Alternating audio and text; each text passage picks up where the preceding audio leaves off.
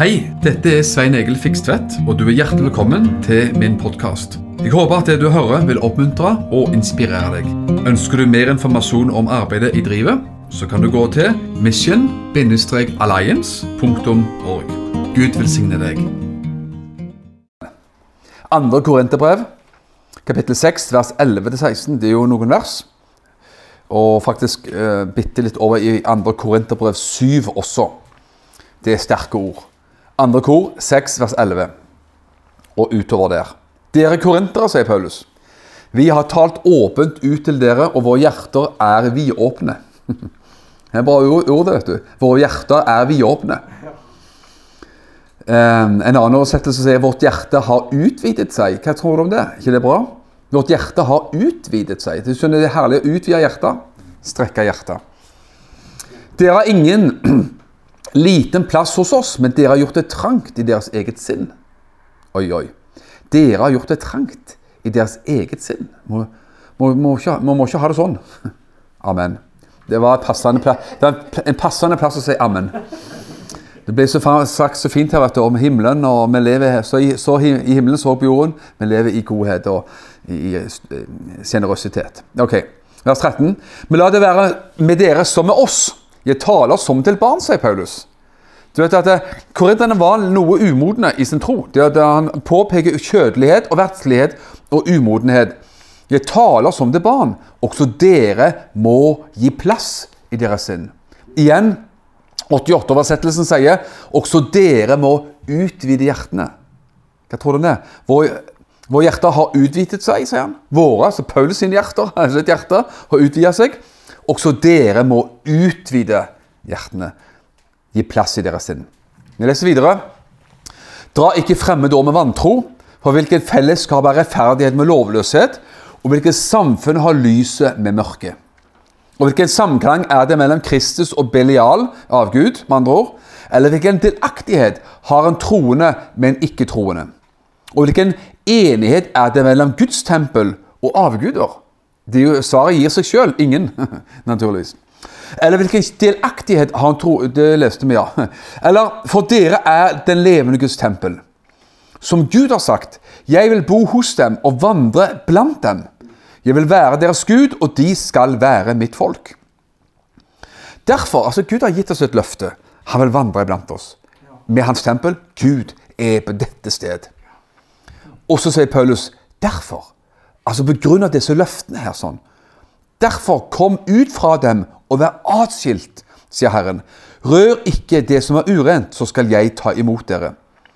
Jeg skal være, deres, dere, være, far for dere, og dere skal være mine sønner og døtre, sier Herren den allmektige. Og kapittel 7 vers 1. Derfor, mine kjære brødre, mine kjære, da vi har disse løftene, la oss rense oss fra all urenhet på kjød og ånd, og fullføre vår helliggjørelse i frykt for Gud. Det var mange vers. Paulus sier at våre hjerter har utvidet seg.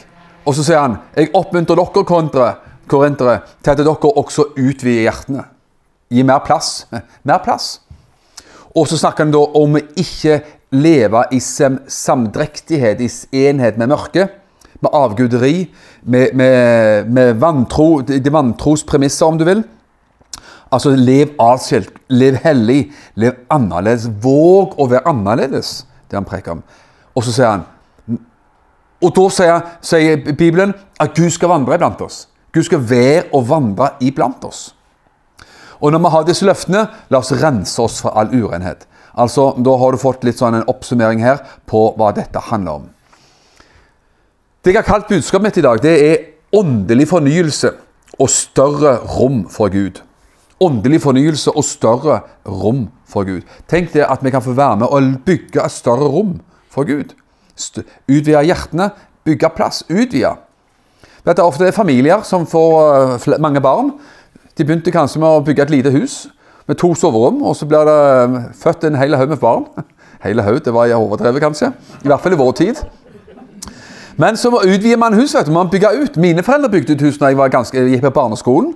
Vi ble ikke, var ikke mer enn fire søsken til sammen da, men eh, de bygde ut huset i hvert fall. De bygde vel første, første runde i, på 60-tallet, og så på 70-tallet så var det ny utbyggelse. Og det var jo ikke så uvanlig. Sånn at man la, lagde større rom for familien. Det var bra. Vil ikke være fantastisk at vi kunne få mer av Gud i våre liv? Spør man mennesker, kristne altså, vil du oppleve ha mer av Gud i livet ditt, så vil alle si ja. Selv, ja, ikke bare selv om, alle vil det. Oppleve Gud. Noen da stresser et slags teologisk poeng at vi har jo alt. Jo, du har alt tilgjengelig og kjøpt i Kristus. Men å hente det ut er annerledes. Sånn er det med en relasjon. Uh, jeg og du, fleste av oss, er på, ikke bare på papiret, håper jeg, men skal bruke det som et eksempel. Vi er på papiret gift. Vi er formelt gift. Men vi velger jo hvor mye man skal få ut av en relasjon. Du er gift, ja, jeg er gift, men man velger jo om man vil ha, hente mye ut, for mye utbytte av et ekteskap eller en relasjon, eller lite utbytte. Så det er jo opplegget. Vi er frelst vi er Guds barn, men vi kan få mer ut av livet med Gud enn det som man sikkert er vant med. Mer av Guds ånd. Mer av Guds velsignelse. Er du åpen for det? Svaret jeg tror er ganske innlysende. Mer av Guds ledelse. Mer av Guds nærvær, mer av Guds kraft. Ja, mer av alt det som Gud er og står for. Av alt fra hans kjærlighet til hans hellighet, naturligvis. Vi ønsker å bygge et større rom for Gud. Jeg tror at vi kan gjøre det. Så jeg skal prøve å dvele litt ved sånne ting. og litt sånn, eh, det som har, Vekkelse, egentlig. Prate litt om vekkelse, på et sett. At hvis, kan du tro at hvis vi bygger et større rom for Gud, at da kommer Gud og fyller det rommet. Utvide hjertene, utvide tempelet, utvide for Gud, og så kommer Gud og fyller det tempelet. Det tror jeg virkelig. Vi som kristne kan velge å gi mye eller lite rom for Gud. Og til og med om vi skal gi mye eller lite rom for djevelen. Det står, det står i Bibelen. Jeg skal du få det akkurat nå. Efesene 4, Efesene 4 vers, fra vers 25. Legg derfor bort løgnen, og hver av dere skal tale sannhet med sin neste, for vi er hverandres lemmer. Oi, vi kunne prekt mye om det. Man kunne lære å forstå det også. Fordi at er hverandres lemmer få til Jeg tenker jo ofte på det i mange kristne sammenheng. Kanskje alle kristne sammenheng, får man nesten lyst til å si. Om man kunne lære oss å tale sannhet med hverandre på en god måte. Sannhet, tydelighet, ærlighet. Med respekt og kjærlighet. Det var nesten på fint rim. Ærlighet med kjærlighet. Halleluja. Ny, ny preken en annen gang. Ok. Vers 26. Blir dere vrede, sier han. Det kan skje. I hvert fall for meg. Blir dere vrede, så synd ikke. La ikke solen gå ned over deres vrede. Før solen går ned, så gjør opp. Gjør opp. La ikke solen gå ned over deres vrede. La oss, la oss, passe på at når solen går ned og man trekker dyna godt opp til halsen på, i senga, så er all vrede borte fra våre liv. Alt er gjort opp. Hvilken nåde. Så kommer verset. Og gi heller ikke djevelen rom, står det. Ja, ikke det merkelig kanskje at det står til kristne? Det står jo skrevet til en menighet. Men, men leser du Innledningsvis utvid hjertene. Utvid hjertene for Gud, naturligvis. Her står det 'gi ikke djevelen rom', står det. Hm. Ja. Men leser videre. Det blir mye skriftlesning, skriftlesning her i dag, tror jeg. Her kommer veldig praktisk etterpå. Den som stjal, skal ikke stjele mer, men heller arbeide og gjøre det gode med hendene sine, for at han kan ha noe å gi til dem som trenger hjelp. Du, jeg har noen ganger møtt mennesker, og kjenner noen ennå, selvfølgelig, som jeg kjenner godt, som har latt omvendelsen grave veldig dypt i livet. Jeg skal ikke nevne navn, kanskje noen av oss vet hvem, jeg snakker om. En person som jeg kjenner godt. Etter han ble frelst. Så var det viktig for han av og til å gå og ringe til tidligere venner som han hadde gitt juling. Eller gjort innbrudd med og gjort eh, ditt og datt med. For å klare opp og faktisk eh, be om tilgivelse for urett han hadde gjort i, i, i det tidligere livet sitt sammen med folk. Det er veldig, veldig skvært og fint. Vers 29. La ikke et eneste råttent ord komme ut fra deres munn. Du vet at en Synding med munnen det er vel den verste, verste plassen man synder. Ikke bare ord som er gode, eh, men bare ord som er gode og nødvendige til oppbyggelse. For at ordene, ord, våre ord, kan gi nåde til den som hører på. Altså Ordene våre gir nåde. Våre ord sårer og skader, eller gir nåde. Så det verset, bare det verset er jo noe som skulle henge liksom, nesten på veggen overalt hos oss rundt omkring. For dette, bare ved hva man sier, så kan det gi nåde. Gjør ikke Guds hellige ånd sorg, ham som dere ble beseglet med, til forløsningens dag.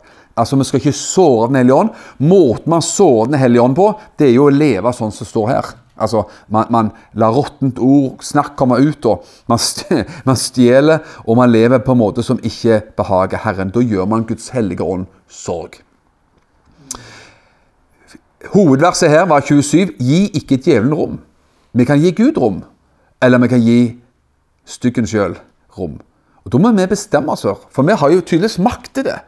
Hvis ikke så hadde det ikke beskrevet på denne måten. Vi har makt til, og vi skal gi Gud veldig mye rom, og minimalt rom, og ingen rom til djevelen. Eller om det nesten skal være motsatt, at vi gir mest rom til djevelen og lite rom til Gud.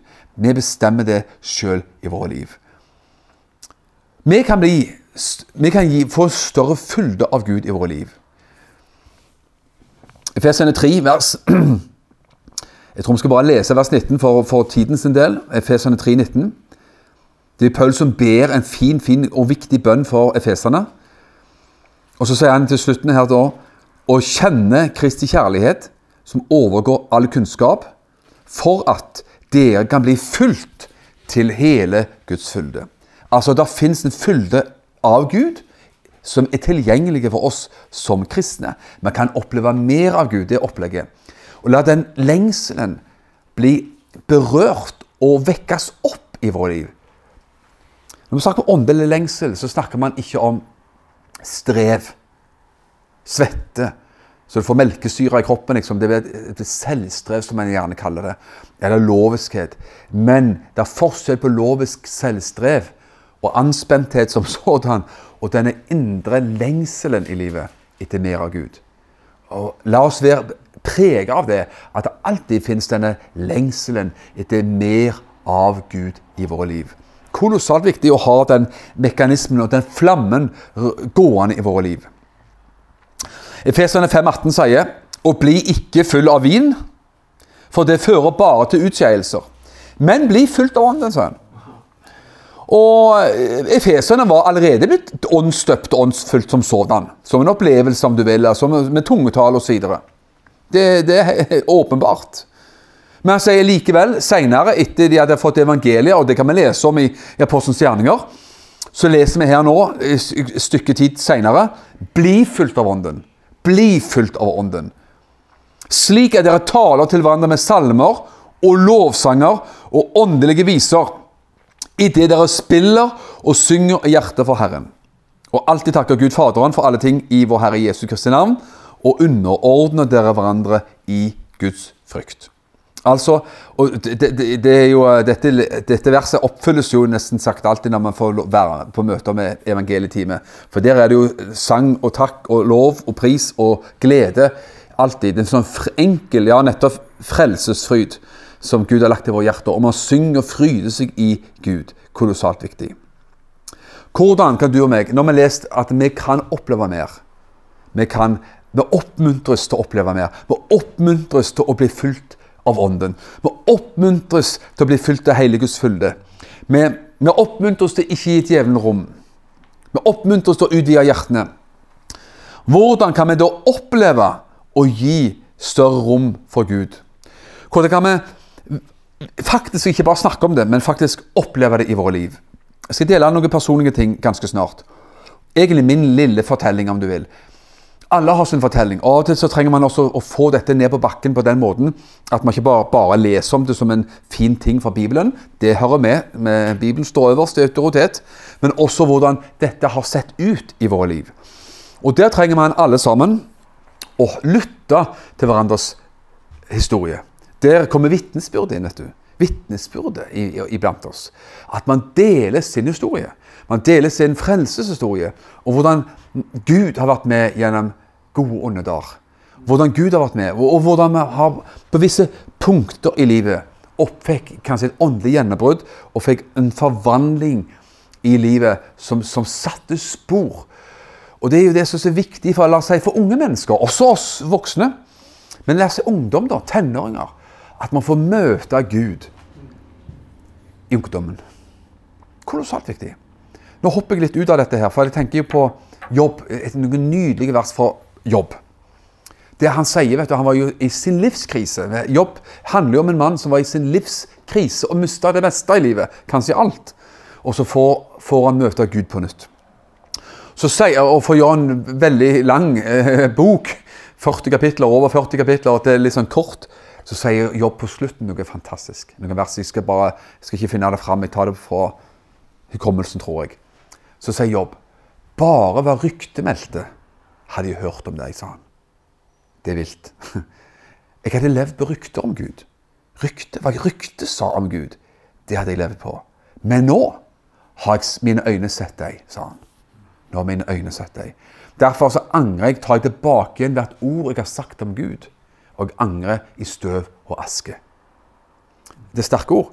Bare ved ryktemeldte hadde jeg hørt om deg. Man må ikke leve på rykter om Gud. Vi lever gjerne på andres vitnesbyrd, men det er også vitnesbyrd og opplevelsen med Gud må få kjøtt Komme, komme, ut i kjøtt og blod hos oss. Det må få armer og bein å gå på hos oss i våre liv. Sånn at jeg kan ikke leve på andres vitnesbyrd og rykter om Gud. Jeg må sjøl gjøre erfaring med Gud. Kvinnen ved brønnen som Jesus møtte, den samaritanske kvinnen, hun sa noe av det samme. Det, var ikke, det, vil si, det var ikke hun som sa det engang. Det var folket i Samaria. Hun møtte Jesus ved brønnen og fikk en sterk opplevelse av Gud. Så la vannkrukka stå og springe inn i byen og rope ut. vet du. Jeg har møtt en kar der ute ved brønnen som har fortalt meg om mitt liv. Så drar Jesus og er vel der to-tre dager hos samaritanerne. Uvant, for en jødisk mann uh, skulle liksom ikke akkurat uh, dra av gårde inn i Samaria og henge sammen med samaritanere. Det var ikke helt eh, normal kultur. Og så sier folket noe helt fantastisk til kvinnen som hun hadde brakt i evangeliet. Så sier de Igjen, jeg har det ikke her, så jeg sier det på ca. hukommelse. Nå, nå, tror vi ikke lenger på grunn av det du sa. For nå har vi selv møtt ham og hørt ham. Og vet at han i sannhet, sannhet er verdens frelser. Det begynte med at de ble nysgjerrige og, og berørt av et vitnesbyrd av henne. Så de så at noe hadde skjedd med den dama her. Altså, hun, var, hun var tent i brann på et øyeblikk. Så de sperra øynene opp. Men så flytta det seg fra hennes opplevelse med Jesus til deres egen opplevelse av Jesus. Nå tror vi ikke lenger pga. det du sa, for nå har vi sjøl sett ham og hørt ham og møtt ham. Og vi vet at han er verdens. Og, og, det er jo der alle av oss må komme. Og alle av oss er, tror jeg, her i dag er jo der. Men det finnes mer. Det finnes mer. Og som jeg sa, også mennesker da, når man er ung, må få det. For det er til syvende og sist ingen, tror jeg, som av våre barn som sier at jeg, jeg, man kan ikke leve livet sitt som en 25-åring og sier 'jeg tror fordi far og mor tror'. Man vokste opp i kristent hjem og gikk på søndagsskole barnearbeid, og alt er så superviktig. Men enhver må komme dit hen at jeg tror ikke lenger bare fordi jeg vokste opp i et kristent hjem. Når jeg sjøl møtte ham, når jeg sjøl opplevde Jesus. For meg skjedde dette når jeg var 15 år. Jeg vokste opp i kristent hjem på mange måter. Jeg skal uh, presisere hva jeg mener med det. Fordi min mor hun var en bekjennende og aktiv kristen og gikk i kirka, lokalmenigheten, statskirka i området, og, og, var en tydelig kristen. Og min far han var vokst opp eh, på mange måter, får man si, eh, i et kristent hjem og, opp, og, oppvekst. Men min far var ingen bekjennende kristen da jeg vokste opp i mitt voksne liv. Han trodde, hadde sin barnetro, ville antagelig sagt ja, han trodde, men, men, eh, hadde ikke noe interesse for menighetsliv, gudstjenester eller nattverd eller noen ting som helst. Han holdt på med sitt og jobba og var en alle tiders bra kar og en god far. Men, eh, men han òg fikk sin frelsesopplevelse når han var 58 år. For da fikk han eh, sin dødsdom. Han fikk kreft. Og hadde da fire måneder igjen å leve. Og eh, da, da, skjedde det jo noe eksplosivt i hans tro, heldigvis. For da var det bare å kaste seg på Gud med alt man hadde. Og eh, det var sterkt å se at hans siste fire måneder i livet så, så ba han og så sang sine sanger til Jesus og, og visste, visste, om sin frelse, virkelig. Dessverre så allikevel så ble han ikke helbreda, men eh, han er hjemme hos Herren. Det er fantastisk. Men midt i det, så når jeg var 15 år sjøl, så er det jo sånn at da, eh, da vil jeg ha Jesus. Så jeg ba med en enkle frelsesbønn. Det var jo her jeg var mer i luthersk sammenheng, så jeg var ikke vant med dirrende og vibrerende vekkelsesmøter, vet du. Med, med, friske predikanter som dro folk fram. Men eh, jeg ba frelsesbønn da jeg var 15 år, hjemme. 1981, høsten 1981. Og satt i senga mi og inviterte Jesus inn i mitt liv. Og bare med enkle ord overga livet mitt og hjertet mitt til Jesus. Og opplevde der og da eh, å bli født på ny. Opplevde, der, der, der, der tentes lampen i mitt liv. altså. Der skrudde lyset, lyset på. Lysbryteren gikk på i, i, mitt hjerte. Og det var fantastisk. Og det var, Da var jeg 15 år. Og så skjedde det og uh, At jeg leste mye i Bibelen. Jeg ble glad i Bibelen. Jeg begynte å lese konfirmasjonsbibelen, vet du, så jeg hadde fått et halvt år før. Og, og, hørte også på nærradio i den tida. Der. Det var liksom på 80-tallet da nærradio, nærradio var veldig, liksom, kom eksplosivt opp. vet du. Med, når regjeringen vil dere Nå mimrer vi veldig på historie her. altså, Regjeringen vil dere åpne opp og brøyt menighets, menighets NRK-monopolet. Det er jo et mirakel bare det her i Norge. Så det var fint. Eh, og da hørte man ofte på pinsemenigheten i byen i Stavanger. Eh, forbundsprogrammer og mange fine undervisningsprogrammer som, som gikk der. Og, eh, Da satt jeg og lytta mye på det og skjønte på en måte at det vekte opp en lengsel i mitt liv. Jeg var født inn i en luthersk sammenheng der, der dåp, troende dåp, åndsdåp, nådegaver var på en måte helt fremmed mark. Uh, og da ble jo jeg eksponert for noe mer. Når jeg hørte om åndsdåp, hørte om nådegaver, hørte om troende dåp, hørte om sånne ting, så skjedde jo det at da vekka jo det opp min lengsel. Og jeg kan si det på den måten at da ble mitt hjerte utvida litt. Da, da, da, vokste rommet i mitt liv til at det, det fins mer å innlemme i min tro på Gud. For det fins mer enn det jeg hadde sett det da. Og det gjorde at, eh, at jeg senere kom i kontakt med en karismatisk eh, ungdomsgjeng som trodde på åndsdåp. Og jeg ble bedt for et åndsdåp og ble åndsdøpt også. Og, og, opplevde at det, det brakte kristelivet inn i selvfølgelig inn i en ny dimensjon. Altså, man trenger å innse og bli eksponert for at det finnes noe mer. Når du hører om at det finnes noe mer, ja, så får du kanskje lyst på noe mer. Lengselen, begjæret, eh, eh, hungeren og tørsten, den vekkes mer sånn av den grunn, altså. Og det var akkurat det som skjedde. I forkant av akkurat dette her, så skal du høre en artig opplevelse som jeg hadde. For det var rett i forkant av at jeg da ble åndsdøpt. Så gikk jeg vel nok tippe det var første året på gymnas. Hvor gammel var det? 16 kanskje? eller noe sånt. Og så gikk vi på skoleandakt i den tida. Sånn, Skolelaget hadde sånn skole en gang i uka, sånn en andakt på skolen.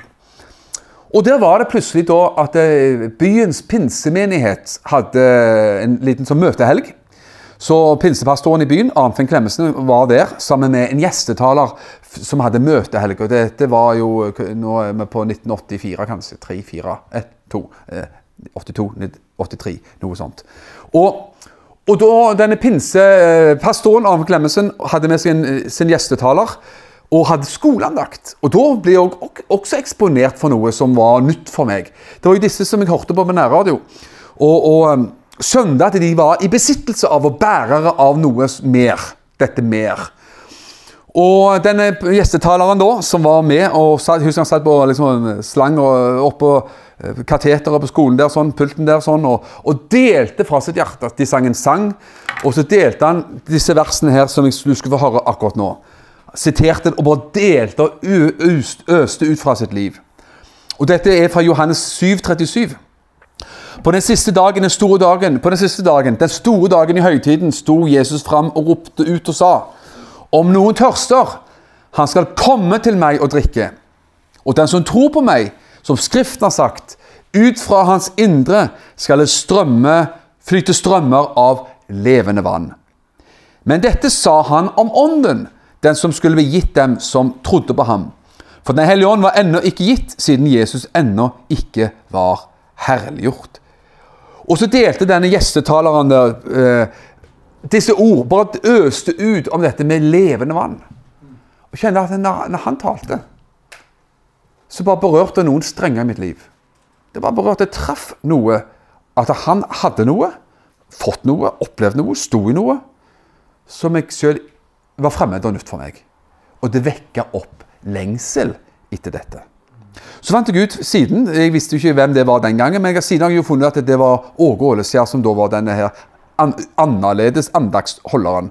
Som var helt annerledes enn det som jeg hadde opplevd av andaktsholdere fram til da. Så det vekker opp denne lengselen etter noe mer i mitt liv. Dette med levende vann. Denne kilden med noe mer i livet som finnes for enhver av oss. Vet du hva? Jesus ropte ut disse ord. Den som tørster. Hør her. Dette er en tredelt vers, kan du si. Om noen tørster, skal han komme til meg. Nummer én, du tørster. Nummer to, du vet hvem du skal gå til. Du kommer til meg. Du tørster, så kommer du til Jesus. Og hva skjer da? Fra ditt indre, nummer tre, fra vårt indre skal det strømme, renne strømmer av levende vann. Gud vil at det skal renne strømmer av levende vann fra våre liv. Amen. Og Det var det jeg opplevde av nettopp gjennom denne andagsholderen da, på Hetland gymnas, som det het den gangen. Videregående. Og som berørte mitt liv, og som nettopp antente lengselen etter noe mer i mitt liv. Faktum er det, Nå skal jeg lese noe her som fins i, i studiebibelen som en sånn fin kommentar på disse versene. Hør godt etter. Hver dag under løvhyttefesten på den tiden, på Jesu tid Løvhyttefesten er det noen av oss som har vært på i Israel senere år. Hver dag i løvehyttefesten ble det gjennomført en livlig feiring der prestene brakte vann eh, fra Siloadammen Eh, til tempelet. Har henta i Siloadammen i Israel vann i sære sånne krukker. Og så øste vi det vannet ut i tempelet, faktisk. Og vi gikk i prosesjon, og det var sang og dans og jubel og alt mulig. Og, og det var til minne om når Gud ga israelsfolket vann i ørkenen. Når Moses slo på klippen, ikke sant, så kom det vann ut. Til minne om det. Så gjorde man det, og så siterte man fra Jesajas 12,3. Jesajas 12, vers 3. Dere skal øse vann med glede av frelsens kilder. Det var det de gjorde i Israel altså, under løvflettefesten. Man brakte vann. Og med, med under takksigelse og lovsang og jubel og, og, feiring, som jødene er veldig gode på. altså. Og så øste man dette vannet ut i tempelet. Og i den settingen så står Jesus fram. vet du. Kommer han Jesus på banen og sier, 'Folkens, hvis det er noen som er tørste, så kom til meg', sier han. Det kunne til og med provosere, vet du. men han er oppfyllelsen av dette her. Det skjønte jo ikke alle på den tiden. der sånn. Men han sier til folkens, er dere tørste, så kom til meg. Dere feirer, dere øser ut vann og, og, og, og mimrer om det som var i ørkenen for mange år siden. Og det var ikke galt, det heller. Men jeg, sier Jesus. Med andre ord, underforstått, det er jeg som oppfyllelsen av dette her. Er du tørst, så komme til meg. Jesus har det som er eh, det vi trenger. Du, Jesus han talte med myndighet, sier Bibelen. Hans tale var annerledes enn de skriftlærde og fariseerne, står der. Han talte med myndighet. Det var en tyngde av Gud. Det var kraft av Gud. Det var liv av Gud i ordene til Jesus. Og folket merket det. at det, Når Jesus åpner munnen og sier noe, så er det annerledes enn når fariseerne åpner opp eh, sin munn og, og lirer av seg et eller annet. Du skal, skal være med i dag. Det er litt annerledes, for det er ikke alltid eh, jeg liksom kjører den sporet her, da. Men jeg fikk lyst på det her i dag. Det er jo pinse og alt snart nå. I, ja, snart i helga. En annen ting som berørte meg veldig sterkt, og som jeg har vært faktisk også eh, banebrytende og sjelsettende for meg, det her, Nå er vi på 80-tallet igjen, og jeg var ung. og meg og Torelen var nettopp tror jeg omtrent begynt å uh, komme sammen. og sånt, Både før og etter vi var gift, så var vi, var vi jo uh, i, i liksom et miljø der man uh, så mye på videoer av Reinhard Bunke. Det var på midten av 80-tallet. Da var, da var det jo video som var tingen. Like store som Bibelen, nesten. og, og eh, det var jo helt vanvittig å se Bunke sine kampanjer i Afrika. Med enorme folkemengder på den tiden. Flere hundre tusen. Og siden så steg det opp til i hvert fall en million faktisk på enkelte møter. Og når jeg så det, så berørte det mitt liv. Da var jeg nok 17 år. Jeg var nylig åndsdøpt og, og ble også fora med sånne videoer. og Da, klar, da blir man jo, blir man jo helt liksom rusta og skaka og demontert og montert. altså. Det, det, det, det var voldsomt. Og kjenn det. Gjennom dette så vokste det for meg et, en lengsel etter å forkynne evangeliet. Og det passet utrolig lite til min personlighet. For jeg er en beskjeden person. Jeg er i større sammenheng, nye sammenheng med andre folk. Så jeg er den som ofte sier minst, og, og ikke trenger å ta veldig mye plass. Jeg er beskjedent anlagt veldig ofte. Men det tror man ikke ofte eh, alltid når man pre står fram og preker.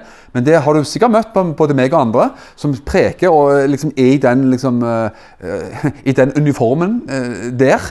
Men når man, i, i andre sammenheng så er man plutselig veldig annerledes. Og sånn var jeg, og sånn er jeg ofte ennå. Men, men denne lengselen etter å forkynne evangeliet vokste altså fram da. Og i, i, i perioder så kunne jeg bare sitte enten med dagdrømmer eller lukke øynene og be. og sånt. Så var det som en film som rulla og gikk inn i mitt indre. At jeg kunne se meg sjøl stå på en scene, en plattform innenlands, utenlands, et eller annet sted, og bare forkynne evangeliet. For, for store mengder eller små mengder av mennesker. Og pre, preke evangeliet, og, og, og bare eh, kjøre på.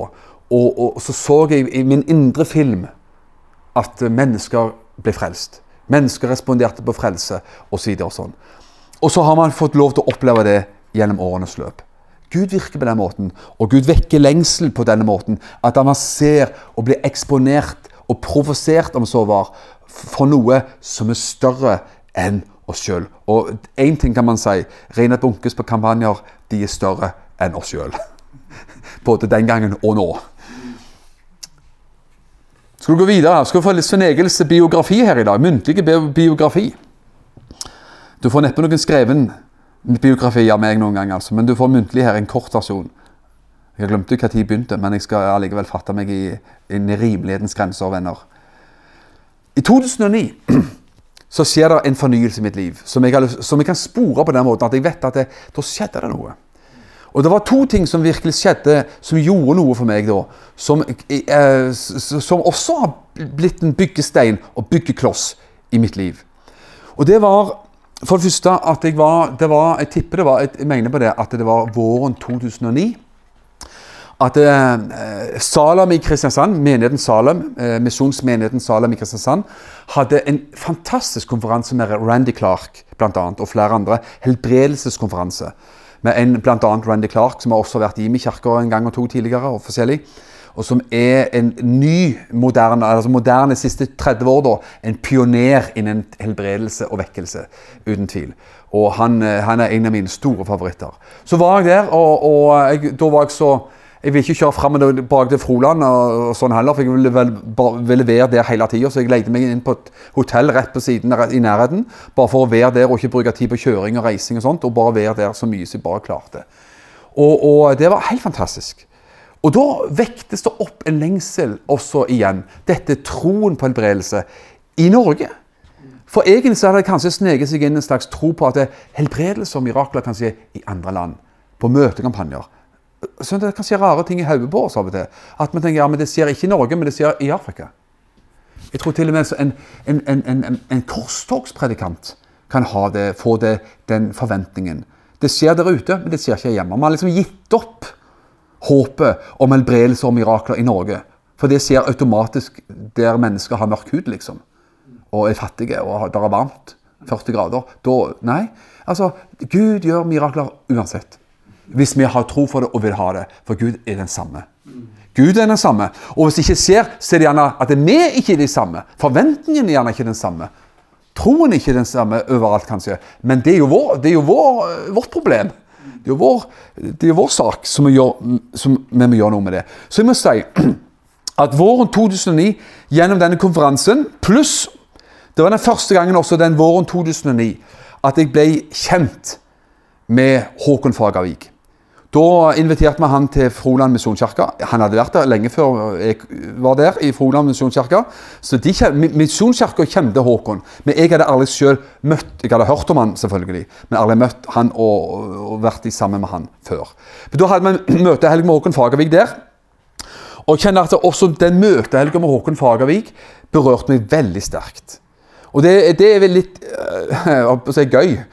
For er det noen som er veldig enkle, og som ikke har behov for masse ståhei og styr og stell og uh, sirkus rundt seg sjøl, så er det Håkon.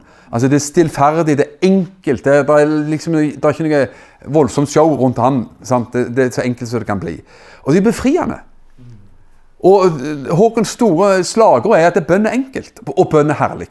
Og bønn er snadder. Punktum. Det er liksom ikke noe mer uh, styr rundt det. Det er bare sånn at det, Og så merket jeg noe av det som vi prøver å preke om her i dag. At når Håkon delte og hadde mye som man alltid har, fokus og undervise om bønn, så var det ikke noe nytt, sånn teknisk nytt, teologisk nytt. Eller liksom, men det var dette livet han prekte ut av et levd liv. Hans tale var med myndighet. Erfart, levd, øst ut av et eget liv. Og, og, og teorien kunne jeg sikkert fra før av, men kjente likevel at når Håkon på sin enkle og folkelige måte øste ut, så berørte det mitt liv veldig sterkt. Så høsten, nei, Våren 2009 ble for meg en veldig sånn fornyelsesvår. Både gjennom konferansen på, med Randi Clark og altså da møtene da med Håkon Fagervik. Ok, vi skal gå videre. og um, nå, har du hørt, nå må vi ta noen vers også, da. Hør en ting. Det handler så mye om bønn også. La meg lese noen, bønn, noen ord om bønn. Nå har vi sagt om Håkon Fagervik, og da må vi også lese litt om bønn. Apostelens gjerninger 431. Da de hadde bedt, nettopp det, skalv stedet hvor de var samlet. Stedet skalv. Så du må ikke bli så redd om noen om en men- en person skjelver av og til. På Bibelen sier så skalv stedet til og med. Jordskjelv. Hvor de var samlet, eller, eller bønnestedet. Hvor de var samlet. Og de ble alle fulgt med Den hellige ånd. Og de talte Guds ord med frimodighet. Disse menneskene de ble fulgt med Den hellige ånd pga. bønn. Skal du høre en del av de samme eh, folkene Nå var det flere folk, men her var jo også de tolv apostlene. Det er du enig i? De tolv var jo med i dette. De var jo blitt åndsdøpt på pinsedag. Amen. Men nå ble de fulgt med Hellig ånd igjen. Enda en gang. Priser Gud. Det er godt med å bli gjenfylt, gjenoppfylt, refilled, som man sier på engelsk. altså. Du, du, må, du må gjenoppfylt. Du, du fyller jo I dag når jeg kjørte hit, her, så, så var det billig diesel for en gangs skyld. Halleluja. Så jeg fylte opp tanken. vet du. Så, så det er ikke sånn at du har fylt opp bensin- eller dieseltanken på bilen én gang. Og så, så er det bare, så holder det alltid. Du bruker jo opp. Skulle ønske det var så enkelt da, at du, du, lader batterien, batterien på bilen, eller fylte opp tanken én gang, så var, det, så var det gjort for alltid. Men dess mer du bruker bilen din, dess mer du, må du fylle opp. Og Sånn gjelder det også våre egne liv. Vi må bli fylt med Den hellige ånd. Og de talte Guds ord med frimodighet. Skal du få et vers som jeg syns har vært et sånn viktig vers for meg ofte. ofte altså. En liten setning. Johannes 15, 5. Jeg er vintreet, sa Jesus. Dere er grenene. Dette er et sånt fint bilde på oss i ham. Den som blir i meg Altså sånn en grein er i et tre. Se, det er bare å se ut vinduet. En grein som er i treet. Den som blir i meg Nei, den som blir i meg, ja, og jeg i ham, han bærer mye frukt. Og så kommer en sånn enkel setning. For, sier Jesus, uten meg kan dere intet gjøre. Om man bare kan ha med den setningen med seg hver dag. Uten han kan man gjøre ingenting. Ja, men Vi kan gjøre mange ting. Man kan jo lage mat, man kan klippe plenen og fylle bilen og med bensin. Ja, du klarer, Alle klarer å gjøre en god del ting uten Jesus. Også ufrelste får gjort en del. naturligvis. Men når det gjelder å bære frukt, som det står her Frukt for Guds rike. Du kan aldri ha et fungerende kristenliv uten ham. Nei. Nei, Du kan lage speilegg uten den store Guds hjelp og salvelsen, men du klarer ikke å leve kristenlivet og tjene Gud og bære frukt for Guds rike uten ham. Uten meg kan dere intet gjøre. Derfor så trenger vi ham. Den største, enkleste bønn man kan be hver dag, det er 'Herre, jeg behøver deg'. Får du ikke sagt særlig mye mer, det er godt å si mye mer også, men får du ikke sagt særlig mye mer, tenk å si 'Herre, uten deg kan jeg ingenting gjøre'. Derfor behøver jeg deg mer enn noe annet i mitt liv. Å kjenne på den avhengigheten av Gud er så viktig. Vi kan søke Gud, sier Bibelen. Første kor 1231. Men søk etter de nådegavene som er de beste. Søk etter, søk etter. Første kor 14.1. Jag etter kjærligheten, og søk med iver etter de åndelige gaver. Kan du se disse ord? Søk etter, jag etter. Fins. Det står, midt i, det står midt i Det nye testamentet, og det er selvfølgelig for oss i dag. Jeg peprer på nå med det skriftet. dag. Jeg skal komme til landing ganske fort nå. Hebreerne 6,12. Hebreerne 6,12. Så dere ikke blir sløve. Halleluja. Men er etterfølgere av dem. Etterfølgere. Eller har til for, de til forbilde, står det også i en oversettelse. Har de til forbilde som, er, som ved tro og tålmodighet arver løftene. Altså ha rette forbilder i livet. Finn for vi strekker oss alltid etter forbilder. Og det er ikke galt å ha men, forbilder blant mennesker. Jesus våre forbilder. Men Paulus sa 'ha meg som forbilde'. Og det er klart at Reinhard Bunke var jo ikke noe dårlig forbilde, akkurat. Og det finnes massevis av gode forbilder. Blink ut dine gode forbilder. Det han eller henne har i sitt liv, det er noe som jeg har tro for. Hva skjer da? Jo, du blir en etterfølger, og du vil på en måte kjenne at du blir inspirert hva den personen har lagt på sitt liv. Amen. Hva er et forbilde? Det er en person man ser opp til. Ganske innlysende. Det er en person som vekker respekt. En forbilde er en person som man kan identifisere seg med på et sett. Selv om de gjerne ligger langt foran oss i løypa. Og det er en person man gjerne vil lære noe av. Det er et forbilde, sånn som jeg ser det. Ordet vekkelse, kan jeg få si noe om vekkelse også? Alle av oss har hørt det, kanskje vi snakket om det sist gang også her, en måned siden. Vekkelsen på Vigeland. Det er gøy når det bare varer og varer og ruller og går. Fantastisk. Og alle av oss som har hørt om vekkelsen som var. Jeg har ikke oppdatert, så jeg sier var eller er. Jeg vet ikke helt ennå. I Asbury i USA som rulla gikk. Folk begynte bare å søke Gud og søke Gud og bare være der. Og jeg kan nesten garantere deg det at det vil, om noen år så er det mennesker som vil stå fram som forkynnere og si jeg ble møtt av Gud og fikk mitt kall og fikk mitt gjennombrudd i den og den vekkelsen. Du finner eh, sånne som Daniel Colenda, som har overtatt etter Reinhard Bunke. Massevis av andre. En som heter Nathan Morris, som er veldig kjent i Amerika. Mange andre som kan spore sitt liv tilbake til visse vekkelser i f.eks. i Pensacola i, USA for en del år tilbake. Og andre igjen til, til, til Toronto og uh, hvor som helst for den saks skyld. Så, så, mange kan spore sitt liv og starten på sin tjeneste i vekkelse.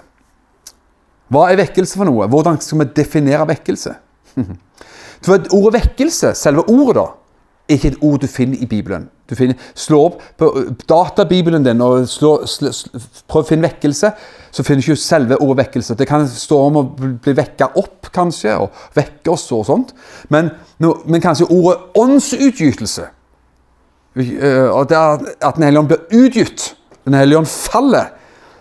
Er det som er det nærmeste ordet og mest beslekta med ordet vekkelse. da, sånn sett. Men vekkelse er et fint ord uansett. Det betyr å, å, å våkne opp. Så det er veldig bra. Amen. Hørte Ludvig Carlsen sa for mange år siden Jeg var på en vekkelseskonferanse i Oslo for mange år siden. og Det var Ludvig Carlsen, og han var, hadde jo alltid mye humor. Han var sånn en fantastisk humor. Så han sa det, vi, vi samla for vekkelse, sa han. Og sa Jeg våkna for 20 år siden, sa han, og siden har jeg vært våken. Så det var veldig enkelt. Amen. Siden har jeg vært våken. Uh, og det er bra. Så holder man seg våken, så er man jo oppvakt. Pris i Gud. Men hør, en som sa dette.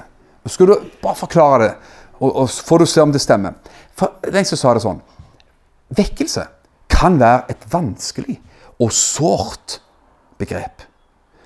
Fordi hvis man hører om ofte gamle mennesker som opplevde vekkelse på 40-, 50-, 60-, 70-tallet, Så snakker man med stjerner i øynene, vet du, tårer i øynene. og Det var så sterkt. det var så fantastisk. Jeg ble frelst i en vekkelse. og jeg, jeg, jeg, prøver ikke å le av det og latterliggjøre det. Det er jo fantastisk. sant?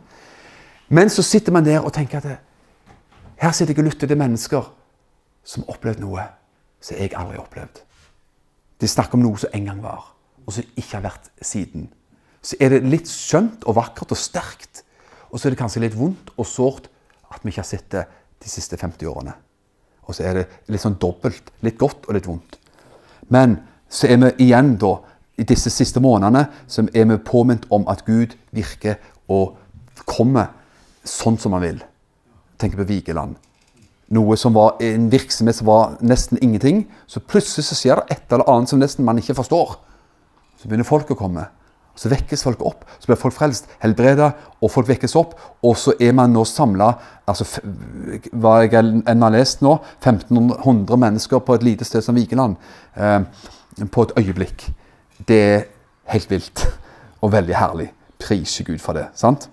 Så vekkelse, Derfor så tror man på vekkelse, og man, det må ikke bli et sårt punkt. Men det er noe som er en positiv lengsel og drivkraft i våre liv. Og vekkelse begynner alltid med oss. Om det ikke er vekkelse på dette stedet, at det stedet Froland og, og Arendal er preget av vekkelse, det er det ikke akkurat, vil man si. Men jeg kan ha vekkelse i mitt eget liv. Jeg kan sørge for å være våken. Amen. Så vekkelsesild skal, må brenne i mitt liv og i ditt liv. Og det er kolossalt viktig. Gjennom historien ser vi en del elementer som vekkelser inneholder. La meg ta det også med. ok? Hva handler da vekkelse om? Jo, man er trøtt og lei av tingenes tilstand i eget liv. Man går lei av noe. Man går lei av liv i synd eller kompromiss eller tørt kristenliv. Man går lei av noe. Man kommer til enden på noe. Man går i veggen på noe. Priser Gud. Derfor ja, det er ofte en krise som fører til vekkelse. Altså Selvtilfredsheten er borte. Fornøydhet med tingenes tilstand er borte. Og så kjenner man på det i da en ny lengsel etter Gud. Og så Det fører til omvendelse og oppgjør med ting i eget liv. Man må skjære vekk ting i livet. Prioriteringer, tidsbruk, internettbruk, skjermbruk, som man gjerne sier. Man, det, man må omvende seg fra ting i eget liv. Og vekkelse det bringer, det bringer fornya tillit og kjærlighet til Jesus og hans frelsesverk. Kjærlighetsflammen til Jesus og fokuset på dette enkle opplegget med Jesus blir blir veldig sånn fokusert. Amen. Vekkelse styrker troen og troskapen til Skriften. Ingen vekkelse uten ny tro på Bibelen. Amen. Ingen vekkelse, ingen bibelsk, ordentlig, ekte vekkelse eh, som er separert fra Bibelen. Det var bra sagt, Svein Egil. Takk skal du ha. Må si det. Ja, siden du ikke sa det, så må jeg jo si Nå må jeg si det, da. ok. Det skaper nød og iver for at andre skal bli frelst. Og det forandrer livet, og det kan forandre samfunnet. Det forandrer livet, og forandrer det mange nok mennesker, så kan det trenge gjennom til at det forandrer et samfunn for godt. Samfunnet. Det bare ikke var blaff. Det frelste 20 stykk som ble med i menigheten. Det er kjempebra, men det kan også skape rett og slett forandring på et sted. Fantastisk. Halleluja. Ja, jeg, vi skal lande der, eh, for nå kjenner vi på metning på det. sånn. Men, men, det er noe med det at man kjenner på Jeg skal bare si det veldig fort, skal ikke lese det. Men du vet, Jesaja 6, første versen i Jesaja 6, så er det Jesaja som møter Gud. Han møter Guds hellighet. Hellig, hellig, hellig. Han så jo himmelen åpne, han så et syn av himmelen. Og hørte eh, eh serafene rope 'Hellig, hellig, hellig er Herren, eh, herskerens Herre'. Hva sier Jesajas da når han får et møte med Guds hellighet? Da sier han halleluja, prise Gud og amen. Det passer, det passer, også inn av og til. Men da sa han noe helt annet. Ved meg, sier han. Det er ute med meg. Skrekk og gru, med andre ord. Det er ute med meg. Jeg har møtt Den syndige meg har møtt den hellige Gud. Hvordan i all verden skal det gå? Det er ute med meg. Jeg, bor, jeg er urein og bor blant et folk med ureine lepper. Så får han en berøring av Gud. Disse, eh, en av serafene kommer med en kullbit, en globit fra alteret, og rører og rense Jesajas. Og så sier jo serafen at se, denne har rørt ved deg, og den har rensa ditt liv, og din synd er sonet. Ikke fantastisk? Han var seg syndig, men nå kjente han renselse fra Gud. Fantastisk. Møte med Guds hellighet. Så møter han seg sjøl som en syndig person. Og så får han renselse og forsoning. Erklært rein. Og så kommer det. Og da sier Gud Nå har Gud noe å si. Hvem skal jeg sende, og hvem vil gå for oss? Da var Jesaja klar. vet du. Han var ikke klar før, men nå er han klar. Da sa Jesajas, se her er jeg, send meg. Da må han rensa, da var han møtt Gud, da var han berørt av Guds eh, ild, og han var klar til å gå av gårde. Og Sånn er våre liv også. En berøring fra Gud det renser rense våre liv, og da er man klar til å gå ut. Prise Gud. Takk for at du har lytta til denne podkasten. Jeg ønsker deg en velsigna god dag.